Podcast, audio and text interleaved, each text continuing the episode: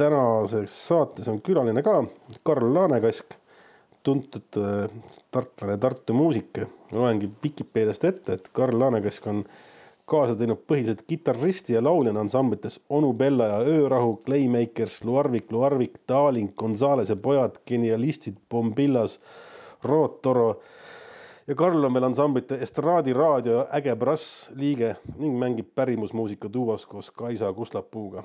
Ja kõige lisaks tegeleb ta ka õpetamisega. Karl nimelt õpetab kitarri Tartu Esimeses Muusikakoolis ning pop- ja džässmuusika ajalugu Heino Elleri muusikakoolis. no mida paremat kaaslast veel Tartu vinüüdel või Tartu muusikast saab endale soovida kui Karli. aitäh, Karl!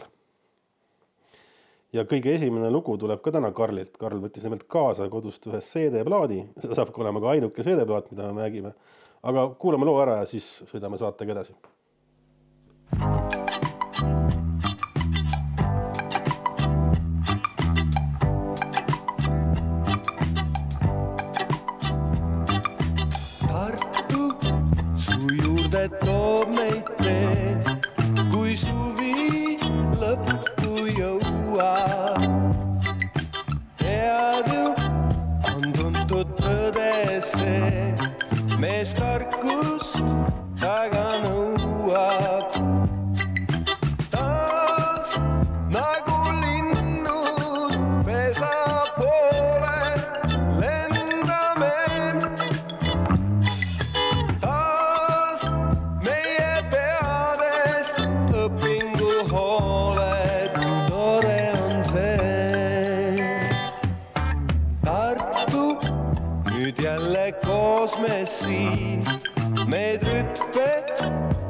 saab võtta. kõikjal on rõõmsad saalinist ning igaüks meist tõttab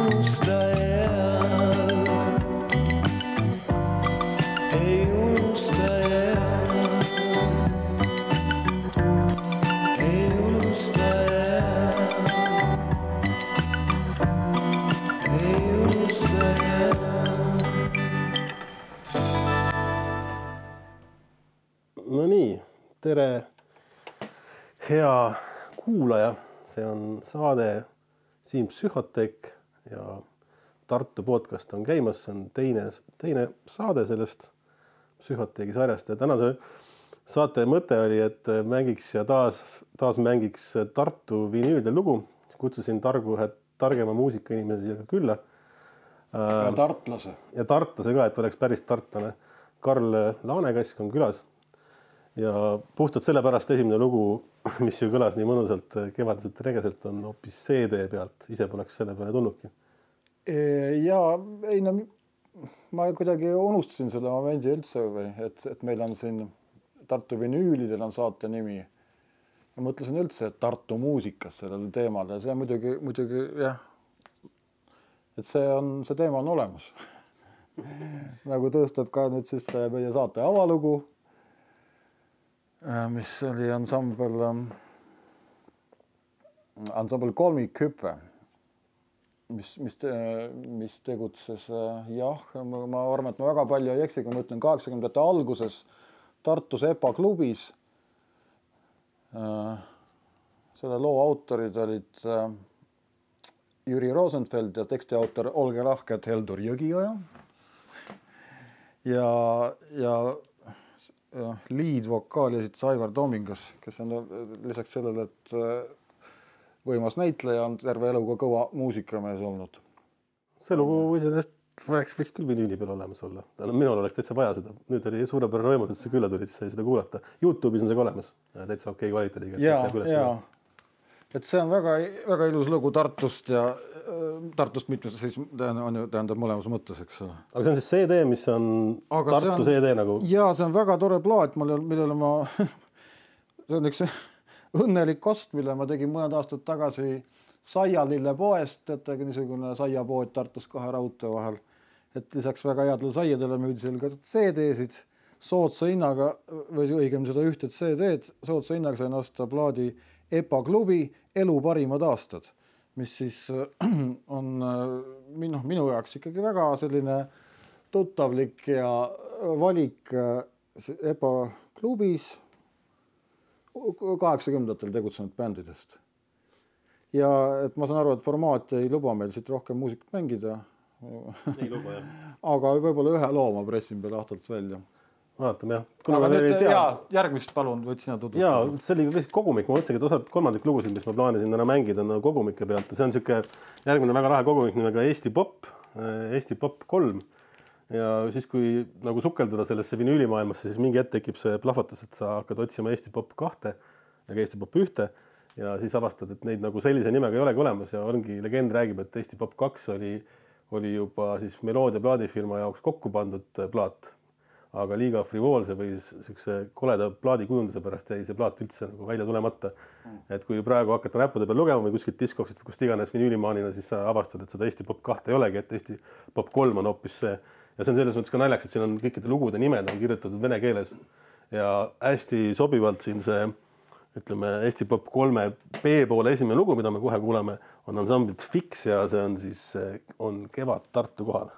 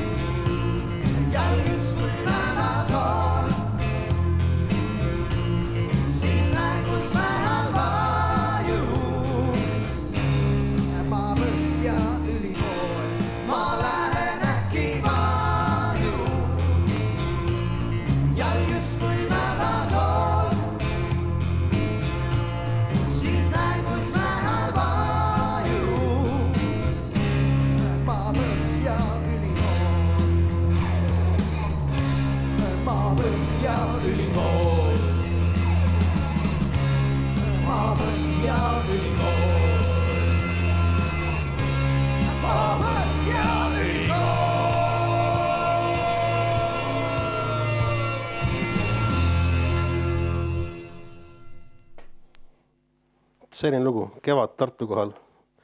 ansambel Fix, mis on vist väga Tartu bänd või? no ja Fiks on väga Tartu bänd jah. Fiks on Tartu bänd juba, juba pool sajandit. aga siin ma vaatasin, et siin võiks muidugi lõputult Fixi mängida selles mõttes, et ja muidugi Fiksist võiks teha eraldi saate, et äh, ikkagi mina ja teised Fiksi fännid oleme kindlasti selleks, selleks valmis. kindel, et äh, ühe, seda lugu ma olen palju kuulnud omal ajal raadiost, Fiksi mängiti ikkagi palju. aga mul ongi see, et mina näiteks, ma ei ole üks tartlane või noh, ma olen sündinud Tartus ja siis üheksa kuuselt kolisin Tallinna ja et hiljem siis õitsus east tagasi tulla, aga et mul puudub selline nagu pikk mingisugune Tartu muusikaskenega selline noh, mingi ju, ju, juuretis või nagu juured. ja mäletan, ma kunagi töötasin kultuuriosakonnas Tallinnas või Tartus tähendab ja seal oli siis Fiksi mingisugune juubelüritus oli tulemas, siis kuidas see äh, raha nagu visati niimoodi neile niimoodi, et linnapea käis ise umbes ütlema, et siin võtke, andke raha nüüd onju. Ja siis minusugused jobud ei saanud aru, et miks Fiks nii oluline on ja, ja et see on nagu Tartu asi, ma ei saa aru nagu, et no, palun põhjendage. ehitati mingi taotlus ja siis see lõpuks jah, umbes linna, linna pidi ütlema, et see on ikka väga hea bänd, et see on ikka, no me, me peame toetama. et see oli natuke, see oli nagu oli, oli ausalt öeldes kummaline, see oli täpselt selline nagu malevlaste üksteise selja sügamine et kes kõik armastavad üksteist mingil ajaloolisel põhjusel, aga noh, nüüd takkajärgi vaatasin ma ka mõistan, noh, et see minu üllatus oli, see vi- viga oli, oli minu silmades, et ma ei näinud seda suurt äh, ajaloolist nagu väärtust sellel ansamblil. Mina, ma tahtsin teha isiklik, väikse isikliku seose tuua, et see, et see pill, haruldane, haruldane klahvpill, mis siin kõlas, seda, selle nimi on klavinett ja ega neid Eestis ei olnud tollal, ma ei tea, ma ei tea, kas oli veel ja ja võib-olla praegugi on see ainus, aga igatahes millalgi, millalgi segastel üheksakümnendatel see läks rändama ja või kuidagimoodi mingi vahetuse omanik ja sattus minu kätte. või ei, see isegi ei olnud minu kätte, aga ma, aga ma sain, õnnestus vahendada seda müüki Tartust Tallinnasse, nii et need aarded müüdi Tallinnasse, sest seda pikalt kasutas ansambel Pegars Farm ja see on siiamaani nende valduses. Fiksi vana mingi. ja, ja see klavinett. klavinett jah, no näed Jah. siis. ühe Fiksi loo. ja see kõlas selles, just nüüd selles äsja lõppenud loos. ühe Fiksi loo mängime kindlasti veel, aga ma mõtlesin, et vahepeal hoopis Tartu. Ühesõnaga sellest oleme nüüd aru saanud, äh, mitte siis põhilise tartlasena, et Tartu levimuusikapäevad olid väga olulised, oli väga oluline sündmus äh, kogu siis äh, Eestile onju. et siis äh, sellele, sellest lausa kirjutati laule ja, ja, ja mingid, mis seal oli, Radar võitis seal aastaid järjest äh, kõik no, preemiad. aga see, miks ma praegu seda rääkima hakkasin, tegelikult sisse juhatada, on see, et sellised ansambel nagu Appel siin on on, kes on salvestanud heliplaadi tuhande üheksasaja kaheksakümne seitsmenda aasta suvel Vladimir Iljitš Lenini nimelises kultuuri- ja spordipalees on selline lugu nagu Tartu levi.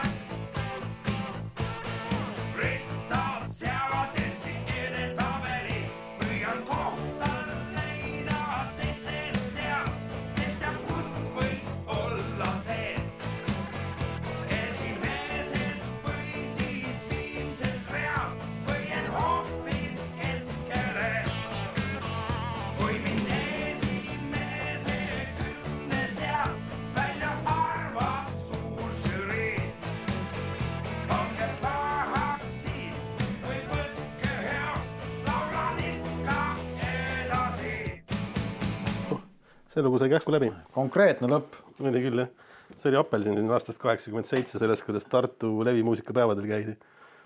no nagu sa ütlesid, et ta oli seal teatud, Ei, no- irooniat ja jah, ei no levimuusikapäevadest üldse mina ei ole muidugi õige mees siin pajatama, sellepärast et äh, nende hiilgajal ma olin ikkagi, ikkagi veel poisikene ja seal niisuguse artistina üles astunud kunagi ei ole. vist.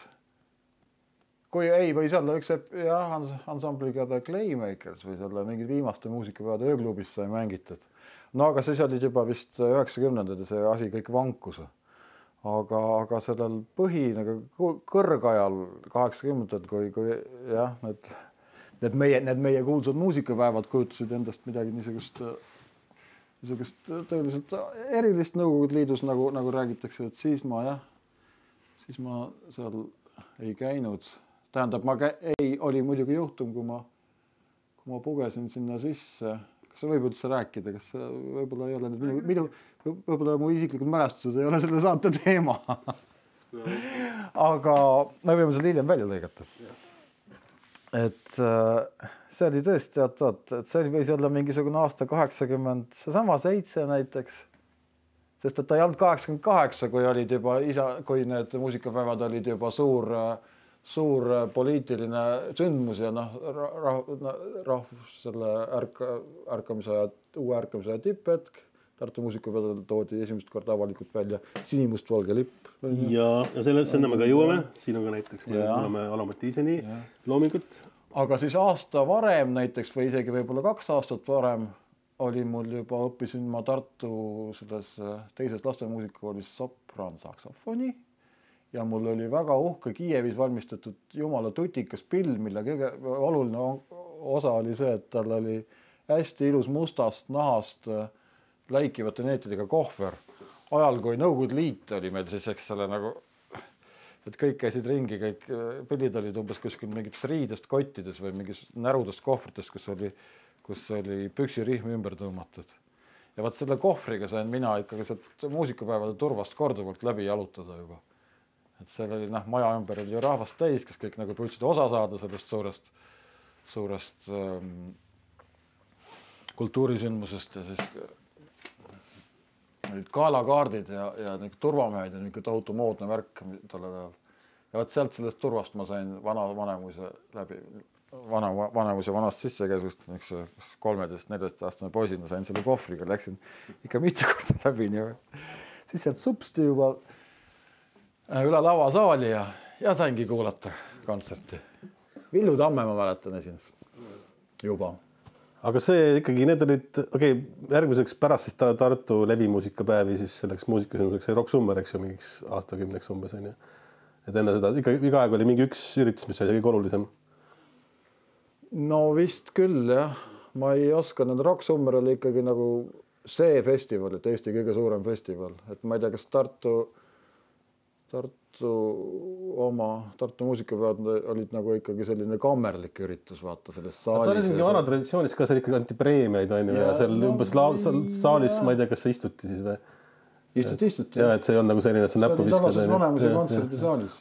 ma tahtsingi nagu hüpata natuke va- varasemaks või noh, selles mõttes see Appelsin ja Fix olid ikkagi sellised eh, noh, väga mainstream ansamblid onju, et Jaa., et nad olid, plaadistasid ja rändasid ringi ja no ju tegid siis õiget asja, et said tarifitseeritud, aga siis on üks sihuke Tartu bänd nagu Suuk, kes äh, vinüülile on jõudnudki ainult üks lugu, mida me kohe kuulame. Ja sellega on nagu lahe asi, et see Suugi see terve plaat tegelikult salvest-, plaadijagu, plaadijagu lugusid salvestati, see oli vist seitsekümmend kaheksa aasta ja nad olid äh, Tartu Raekoja platsi servas olnud siis äh, kultuurimaja bänd. Ja sõitis Tallinnast selleks äh, eraldi ETV salvestusbuss kohale. Stereobuss. stereobuss millega salvestati nagu mingid noh, siuksed lood, et ma panen praegu peale, mis on nagu täiesti pöörane võrreldes äh, sellega, et on Tartu kohal kevad võib-olla. et siin on, kõik on nagu vastaline natukene, et siin on Aleksander Müller laulab ja ja siis need sõnad statistiline no.. nojah, ma ei tea, kas see on nüüd õige vastandada niimoodi, et, et, et, et üks, et seda ei peagi vastandama, nad on eri kategooriates, ma arvan, et Suuk võib-olla ei tahtnudki kunagi selliseks saada nagu Fix ja Fix ei tahtnud kunagi olla Suuk onju. Et äh, ikkagi üks, üks, üks vaatas, kelle sõnu nad laulsid ja kuidas ja teine vaatas nagu teistmoodi. et Suuk et Suuk kindlasti ma arvan, et ta ikkagi no kuule, kui Müller laulab, tema oli ikkagi suhteliselt nagu konkreetne oma tegemistes on ju, jah, jah. et, et no tegelikult on see, need konkreetsed salvestused, see, mis umbes seitse lugu või mis nad seal tegid Jah. ajal, muidu see kõik, oled kuulnud neid ka, on ju, need on kohutavalt kihvtid kõik. ja, ja selles Jaa, ongi see, et tegelikult on noh, jälle see minule vinüülimaanina see nagu ei sobi muidugi, aga CD-l on nad välja antud juba mingi kümme aastat tagasi. aga nüüd ma panengi ühe vinüüli, mis ise originaalis on tegelikult roosat värvi. see vinüül, see on Nõukogude hipi dokfilmi, mille Terje Toomistu tegi soundtrack'i pealt. ja, ja siis saab edasi lasta, see on siis selline, ütleme, alternatiivne Tartu helimuusikapäevad.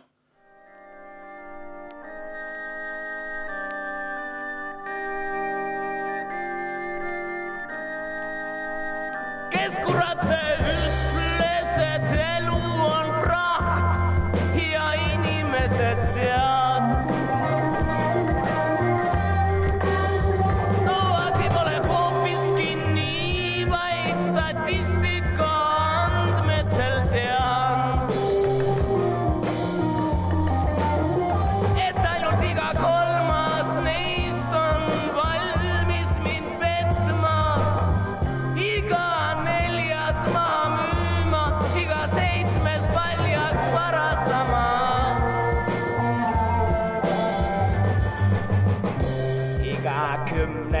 naist üle lööma, kahekümne kuues mind lihtsalt tapma, neljakümne kaheksas. Pool ahviks ning orjaks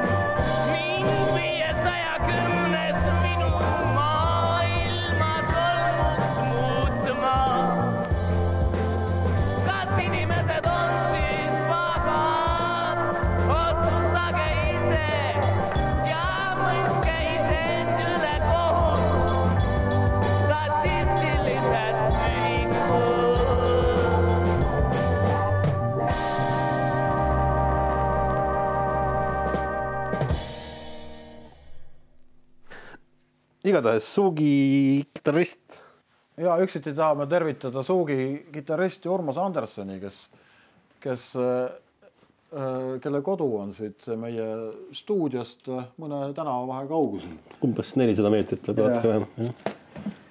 ja, ja jutt oli ennem Suugist, et, et äh, muidu, et sa ikkagi nagu üritad va- või tahad vastandada sellist, sellist, sellist äh, kontrakultuuri, mis on nagu iseenesest justkui väärtuslikum kui popkultuur. aga et seda, et selle Suugi puhul küll äh, saavad need vastandid ühe, ühes ansamblis kokku, et, et äh, Nad tegid ka täiesti noh, kui eeldada, et nüüd see Aleksandr Mülleriga tehtud lood on mingi selline nagu kuidagi põrandalune, mässuline, mässuline, vastaline, mida ta kindlasti on, et siis see, siis selle kõrval ja nende nagu pealiin oli ikkagi olla selline süsteemis äh, suhteliselt normaalselt hakkama saav ansambel, kes mängib äh, tantsupidudel hetke, hetke le- nagu maailma popp lugusid. et nii ma arvan, et ma väga palju ei eksi, kui ma nii ütlen. et, et, et see, et seda Mülleri ja seal ühe loo selle bussisalvestuste peal laulab vist ka veel Tiit Kööbi, ma ei tea, kas see on äkki tema lugu siis. aga et selle bussisalvestustega nende nii-öelda algupärand, algupärandlooming vist suuresti piirdub ka või? siis on veel, siis on, kus nüüd on veel see Anne Maasikuga mingisuguseid teatrimuusikat on salvestatud, ma ei tea, kes selle autorid on. või noh, ma tahan öelda, et see on, et seda, mis ma ütlesin.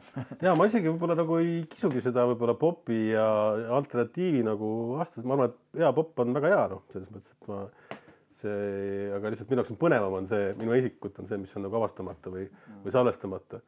aga see ei tee muusikat väärtusetumaks ja noh, alati minu arust puhas rõõm on niimoodi siukses keskeas avastada nagu mingit sihukest muusikat, mis on kogu aeg olemas olnud ja siis nagu tähenduse omandab, et noh, sama selle kas Fiksi või Apelsiniga tegelikult aga ma tahtsingi järgmiseks tõestuseks poplugude äh, armastusena ma mängiks järgmise loo, mis on hoopis sihuke teistpidi Tartu. see on siis äh, Velli Joonase lauldud Stopp seisku aeg. aga äh, mängin ma seda sellepärast, et selle andis välja plaadifirma Frotee, mis on tegelikult Tartu pisiplaadifirma. ja sellepärast, et Stopp seisku aeg lugu sai ülipopulaarseks, kui ta välja tuli. BBC-s mängisid DJ-d seda toidu alla, toidu peale, see oli see lugu, mida sa võisid nagu ümber maailma, kui veel reisida sai, reisides kuulda suvalises baaris. sest ta nagu oli kõikides playlistides üleval. ma arvan, et seda on kõige rohkem nagu reepresse tehtud Eesti vinüül. ma olen praeguseks neile kolme tuhande plaadi kindlasti välja antud sellest. et äh, ja kõige, kõige tipuks on see, et, et see tegelikult see lugu, mis siin tuleb, on hoopis äh, Jim Rafferty lugu ja ta originaalis oli, tuli välja hoopis Frida, kes oli Appa üks naistest. tollal juba vist ka oli ta siis, mis ta, mis ta siis on, Countess, ma ei tea, mis see on nagu eesti keeles no.. ühesõnaga sinivereliseks abiellunud ja lugu, mille, jah, ja lugu, seesama lugu, selle originaal, mille nimi on siis Icy Red ilmus. jah, Frida esimene sooloplaat pärast Abot. jah, ja mis oli nagu mega produtseeritud, seal oli ju Phil Collins No Phil Collins trumme ja ja produtseeris ja jah. kusjuures No. ja video on jumala hea, lugu on ka jumala hea. ja on, ja on tõesti. ja kui, kui sa paned selle praegu peale, ma panen selle peale, sa lähed kuulad, vaatad seda Vellijoonase näiteks Youtube'is on ju Jah.. eile vist vaatasin, seal oli vist poolteist miljonit kuulamist. Ja siis sellesama, see superprodutseeringuga äh, kaheksakümne kolmanda aasta Icy Redil oli mingisugune mõnikümmend tuhat. et nagu selline ah nagu noh, niisugust elu elab see cover või? see cover elab meeletut elu, see cover oli nii, et kui ta välja tuli, siis see tiraaž oli vist, kas oli kakssada viiskümmend või viissada ja see läks nagu niuh, kuna see, need DJ-d nagu leidsid selle ülesse äh,. hull spekuleerimine hakkas, see plaat maksis seal mingi kakssada viiskümmend eurot juba ja siis mulle õudselt meeldib see, et siis äh, Martin Jõela ja Erkki Pruul siis, kes selle Frotee taga on, nad siis läksid sellest spekuleerimisest niimoodi mööda, et nad andsid järjest välja täpselt samasuguse kujundusega korduspresse. ja praeguseks, kui sa lähed siis diskoksi või kuskile, see plaat on seal kuskil niimoodi kümme-viisteist eurot maksab. puhtalt sellepärast, et selle nii-öelda uute presside väljaandmisega saati nendel spekulantidel nagu jalad alt ära natukene ja ma, ma nagu respektin seda, see on tegelikult väga lahe. aga panen selle loo peale, see on siis, kui nüüd popist rääkida, siis see on ei no aga see, igal asjal peab siis ikkagi, kui Kõige iga, igal asjal põhjused, millega sa on siis selle, millega seda seletada. tema ütleme, see on igal, igal juhul on tegemist õnnestunud cover'iga, sellega ja, ja see on ka see, et kui tihtipeale avastad, kust see nüüd tuli, issand jumal, nii Jah. põnev, täiesti ootamatu. mina väid- väidetavalt kaheksakümnendatel seda lugu tuli raadiost küll ja küll, et see ei olnud mingi salalugu. Aga lihtsalt, et ta on nagu mingis on kontekstis, mingis ajahetkel ta Teda- nagu tabab närvi. teda ei saaks isegi nimetada nagu niisuguseks, ütleme väga algupäraseks seadeks, sest see on, ütleme niimoodi lihtsalt suhteliselt nagu öeldakse, täpselt järgi tehtud lugu on ju No kas jah. see, kas see, kas see Mällu sööb viiuli käeks on ka seal selles Rootsi loos. oli, oli, oli küll. Ka- ka samamoodi minu arust see oli see oli küll olemas. jah, et ütleme niimoodi, ta on põhimõtteliselt ikkagi kopeeritud seade ja kõik, aga sihuke, aga nagu tal on mingisugune nagu- oma jah. ta on natuke kiiksuga. ja kindlasti ikkagi Ida, Ida-Euroopa see kiiks on siuke, Ida-Euroopa kõik see eesti keelt, meie armsat eesti keelt, mis on tõesti nagu väga just nagu eesti keeles laultakse. aga jaa, aga noh, ühesõnaga ongi, kuidas see on kokku saanud Velli Joonas, Tartu, Appa ja Jim Rafferty on päris nagu pöörane ja BBC need. kuidas see Tartu siia, aa jaa, Frotee Partei jah on. muidugi Tartust just.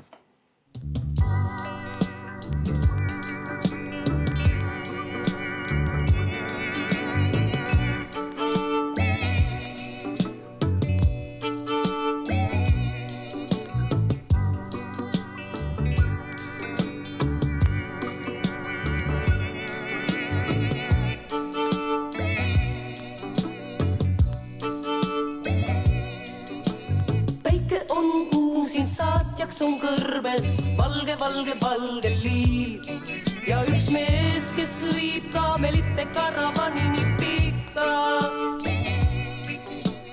hommik, päev, öö on ainsad ajamärgid, need on sidunud meesti siin.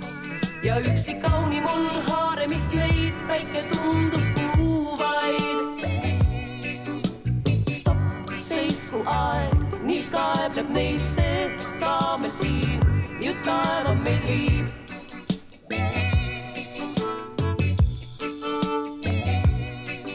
nüüd stopp, seisku aeg, nii kaebleb neid see ka meil siin, ju taeva meid viib, meid ju viib, meid ju viib, meid ju viib. on mul lai limusiin, kiirus on tohutu õhus, kuid on surmav gaas ja mu mees, kes istub kõrval, hoiab rooli kõik ma olen saanud, mis eales olen ihkanud kodul luksima, aga hingel on külm. ma uurin silmanurgast meest, kes vaatab ainult teele. stopp, seisku aeg, nii kaebleb neid see ka meil siin, ju taeva meid viib.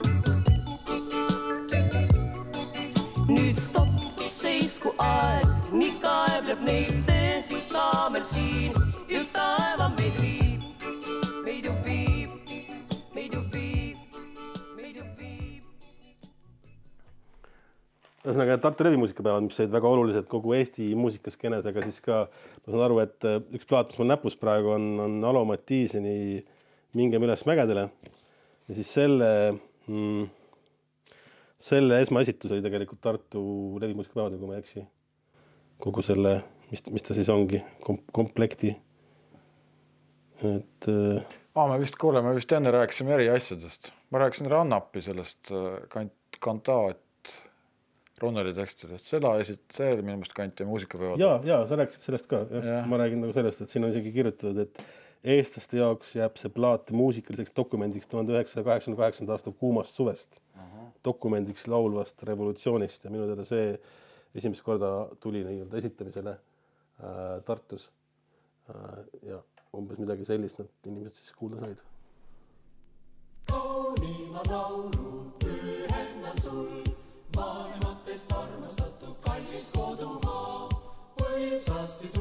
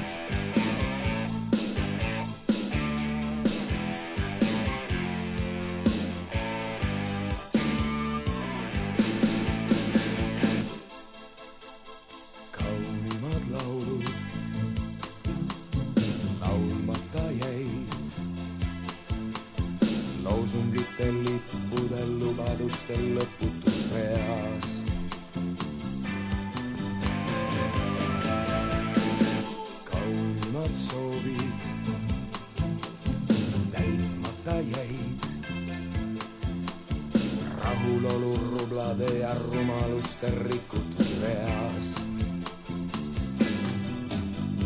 kaua siin tuultele avatud õues oodatud igavest tund.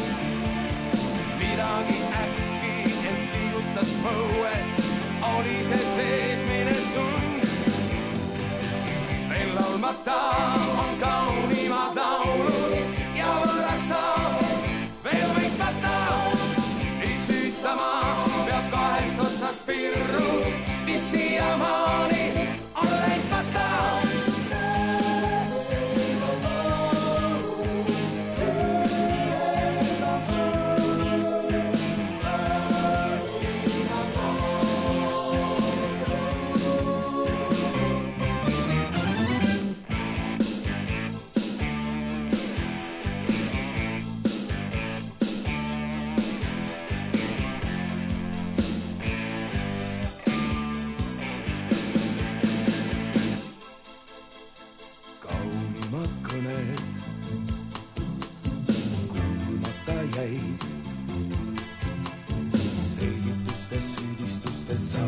this so get us well.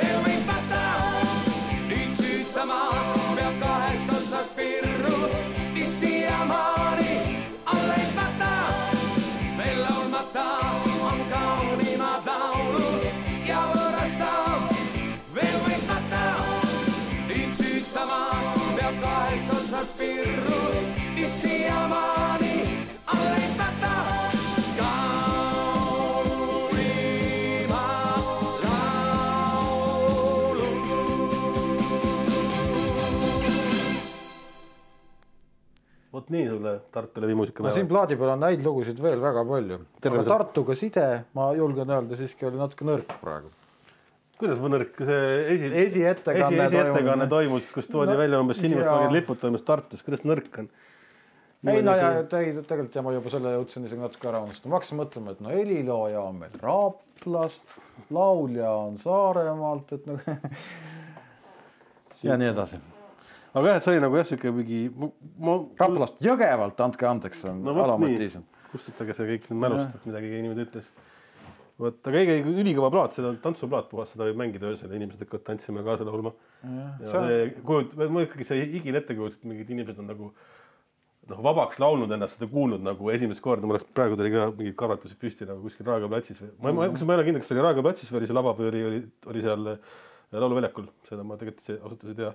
Nagu videot olen nagu Raekoja platsist näinud. ei no see on küll see jah, see hetk on Eesti, Eesti nagu selle ajaloos ja selle vaba, uue, uuema vabadusvõitluse ajaloos ikka tõesti selline päris müütiliseks juba saanud.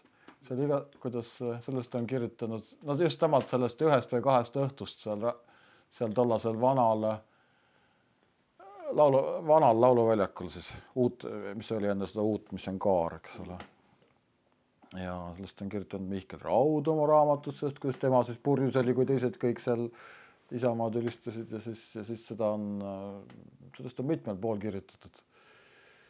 ja vot, kas mina seal olin või ei olnud, vot seda ma ei mäleta sa ilmselt olid selle oma kohvriga, mm. seisid kohvri peale ja vaatasid tagant hästi. ei, see oli juba ma kohvri jah, see oli juba sellise staadioni, see oli juba siis, kui tuldi välja nagu suurtele platsidele. Kusjuures ma arvan, et ega see lauluväljak oli ka ikkagi väga täis tollal muidu vinüüliga on ka see teema, et muidu jääb mulje, et seal on ainult muusika peal, et ei pruugi üldse olla, seal võivad olla ka konnahääled ja, või näiteks hoopis mingi sõnakunst on ju. et ma järgmiseks panengi ühe väga laheda sõnakunstiplaadi peale, see on Eesti räpptekstide kogumik osa kaks, kus on nii mõnedki siin tartlased, kes siin astuvad ülesse ja nad ei laula siin, mitte keegi ei laula, vaid nad nagu võib-olla rütmivad, aga nagu noh, nii-öelda bändi ei ole või niisugust muusikat ei ole. Ja mis on kõige lahedam, et tegelikult see plaat on neile antud välja äh, või ta on mõttelise järjena äh, noort Eesti luulet tuhat üheksasada kuuskümmend kaks kuni seitsekümmend kaks sarjale, mis olid siis seitsmetoilised plaadid, kus oli ka päris mitu Tartust, seal Runnari Kaplinski ja kes veel, et, et siis see on nii-öelda järg sellele ja siin on hästi numpsikut, see peaks olema, see on siis äh, Karel Kivastik ja, ja Joodiku puutumatus. joodiku puutumatus. Ma nagu üks kassipoegadest kividega kotis, nagu tükk sitta festivali käimlas sitapotis. olen minekul ja hooga, kurva leinalooga, segi nagu silliuks, sest sõita ajab jooma. mu mälestused on tühi tuul ja haavad ei miski, mu kannatustel pole varju, mu mäel pole risti, aga on taarat ja terviseriski, optimismi, et küll ikka tuju teeb viski ta nagu muu ei miski näitab öösel koduteed, kui ära on tulnud nädalavahetuse veed, siis Eestimaa on sodi, ju on mure meile veres, viinapudel igas peres, pool kompressi, pool on keres. lahti läheb laul me südameis ja silmis, vaprus võtab maad nagu kangelasel filmis, veri pole määra ja luud seda enam elastsed, kui klaas teise otsa vahetuvad joobeastmed. number üks, see on null koma viis kuni kaks promilli. eufooria, hea tuju, õhtu tõotab tšilli, see on bändimees laval, kes vabalt mängib pilli, ehitusmeeste lõuna või kodus vaatan filmi. Number kaks, see on kaks kuni kolm promilli. agressioon ja koordinatsioonihäired pärast grilli, see on pidu, panen illi, ostan kõigile lilli, sõiduvorm ja tüüp, kes tänaval teeb rivitrilli number kolm, see on kolm kuni neli promilli, see on kooma, see on bingo, enam üles ei leia tilli, magan kus pohhui, ei suuda lahti hoida silmi, sõbralikult nõjatun vastu tualettlaua prilli, see on veiniklaas õhtul keset kaminavalget tuba, meelitamaks iludust, keda kaua olen nillinud või abikaasa Lasnamäe korteris sai nuga, sest otsa sai puskar, mis nad ise olid villinud. muret, muretu oli juba järgmine lugu. Selline Tartu natuke sõnakunsti Tartust, seda on päris palju tegelikult, et siin on jah, Kaalepit ja Runerit ja Kaplinskit ja, ja keda veel, Oskar Lutsul on oma vinüül näiteks olemas. et seesama teema, kui sa rääkisid äh, Karl endist, et nagu kogu muusika, Tartuga seotud muusika, ükskõik kuidas, eks ju, öeldud, et siis see on hästi, see on muidugi lõputu teema äh,. sest et äh, muuseas, ma ise olen otsinud, näiteks on niisugune kuulus seeria on Eesti orelid ja seal on kokku vist kas kolmkümmend kolm erinevat vinüülplaati on tehtud ja kaks tükki neist on Tartust. et seal tegelikult võib päris kihvt, kihvte asju leida. Rapla orelit ja nii edasi, et kus saab minu kodukoht olla. aga Tart-, aga orelid jah, nagu oreliplaadid number viisteist ja number kakskümmend on Tartust. aga huvitav on see, et kumbki neist orelitest ei ole mitte kirikust, vaid on hoopis, üks on Vanemuisest orel ja teine on äh, Elleri orel, orel, ah et selline ootamatus on nagu Tartuga, ma praegu orelit ei pane, meil läks kuidagi selliseks nagu äh, rohkem populaarsemaks muusikaks see, see, see saade kätte, aga et jah, sellised nagu ootamatused on olemas, aga ma teen väikse hüppe sinna nüüd uuemasse aega, et äh, neid nii-öelda hmm,, ma ennem olid nii-öelda vanad, vanad, aastast kaheksakümmend kaheksa jõudsime onju. aa, siis muidugi see, see sõnakunst on natuke kas me liigume üldse niimoodi? vahepeal- vahepeal tundub, et vist liigume. on liikunud kuidagi, no mitte päris, aga no natukene nagu massi mõttes, aga siis on üks sihuke imeline Tartu bänd nagu Bizarre, kes siis üheksakümne viiendal, üheksakümne kuuendal aastal salvestas sellise albumi nagu Cafe de Flor ja minu, ma arvan, et oleks võinud maailma nagu valutada, kui oleks natuke teistmoodi läinud.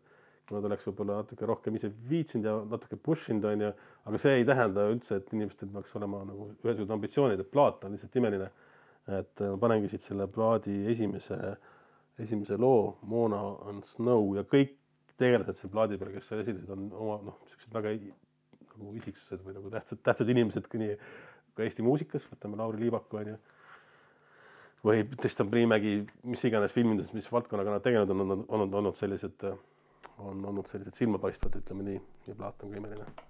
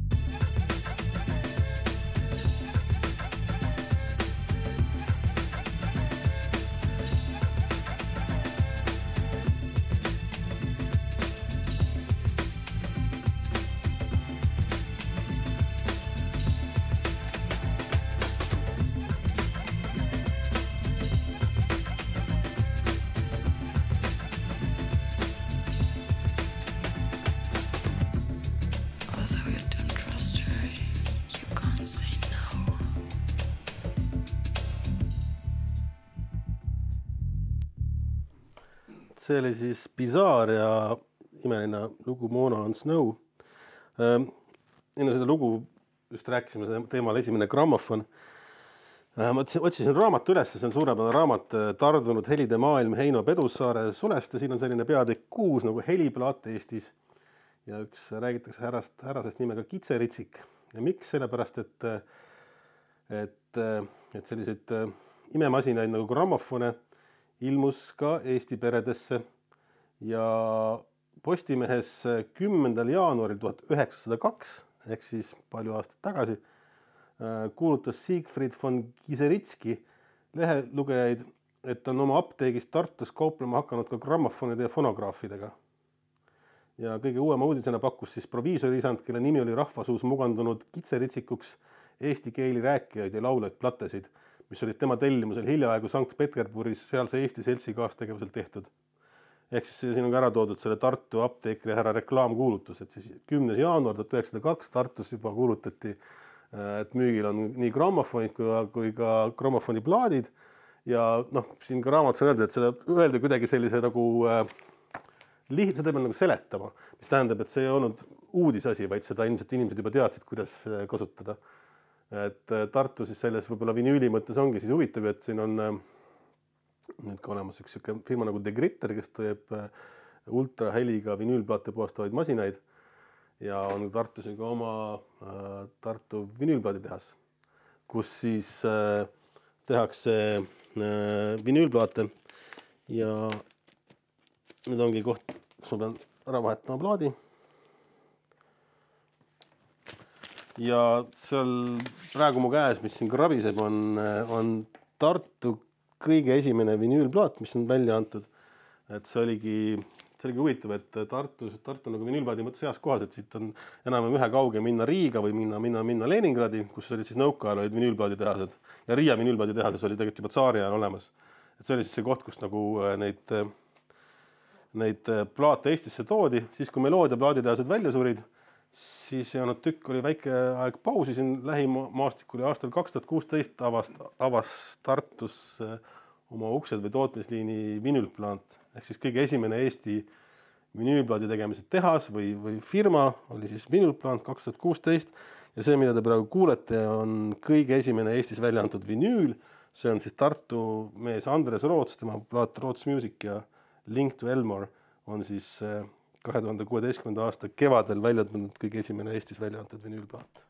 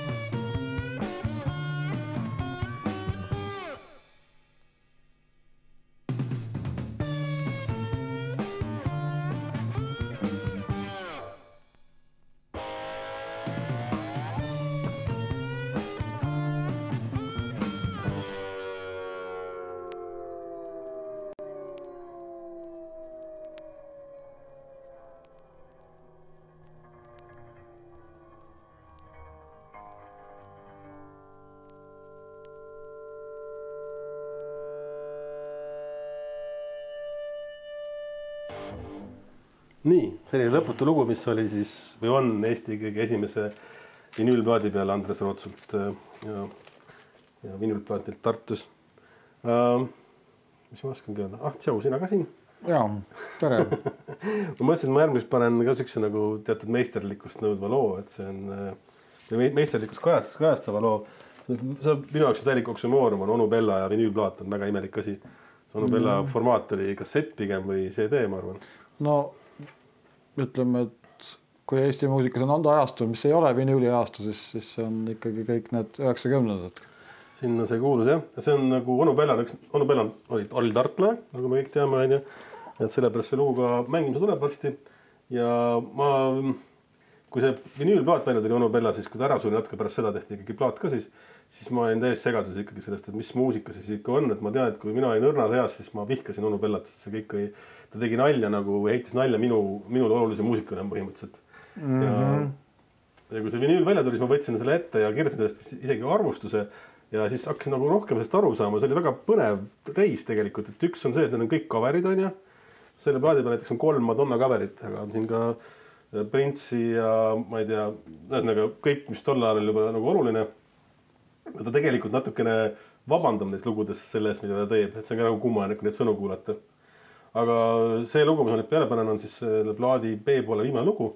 selle nimi on Õpime puskarit tegema ja see väga sobib, sellepärast et Bella oli ju algselt, ta oli vist keemiaõpetajaks ja õppinud ülikoolis keemiat ja töötanud ka keemiaõpetajana.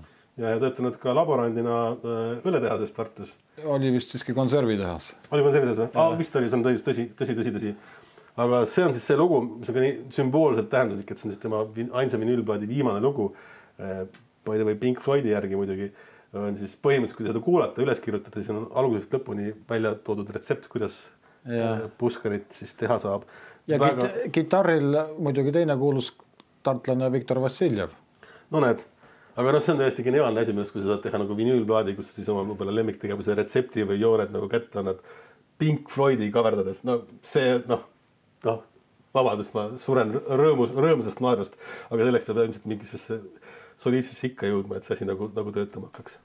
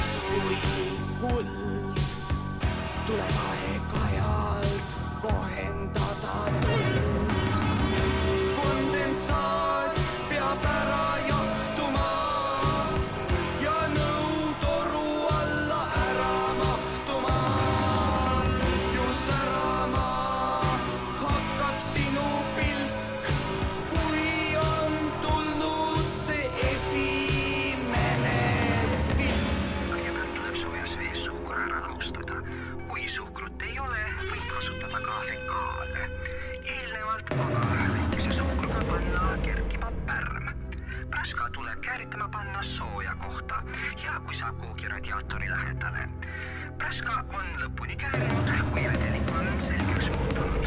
juhul kui spetsiaalset nõud ei ole, kõlbab ka kiirkeedupott, millelt ventiilklapp ära võtta jahutusspiraaliks tuleb vaadata keertu, mida ümbritseb vesisärk.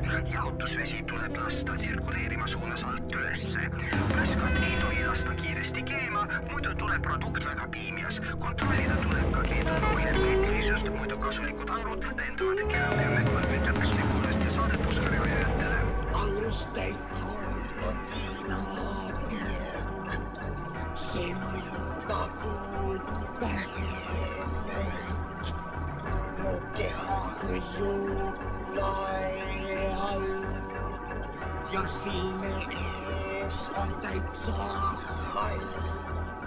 sa praktiseeri ja end täienda.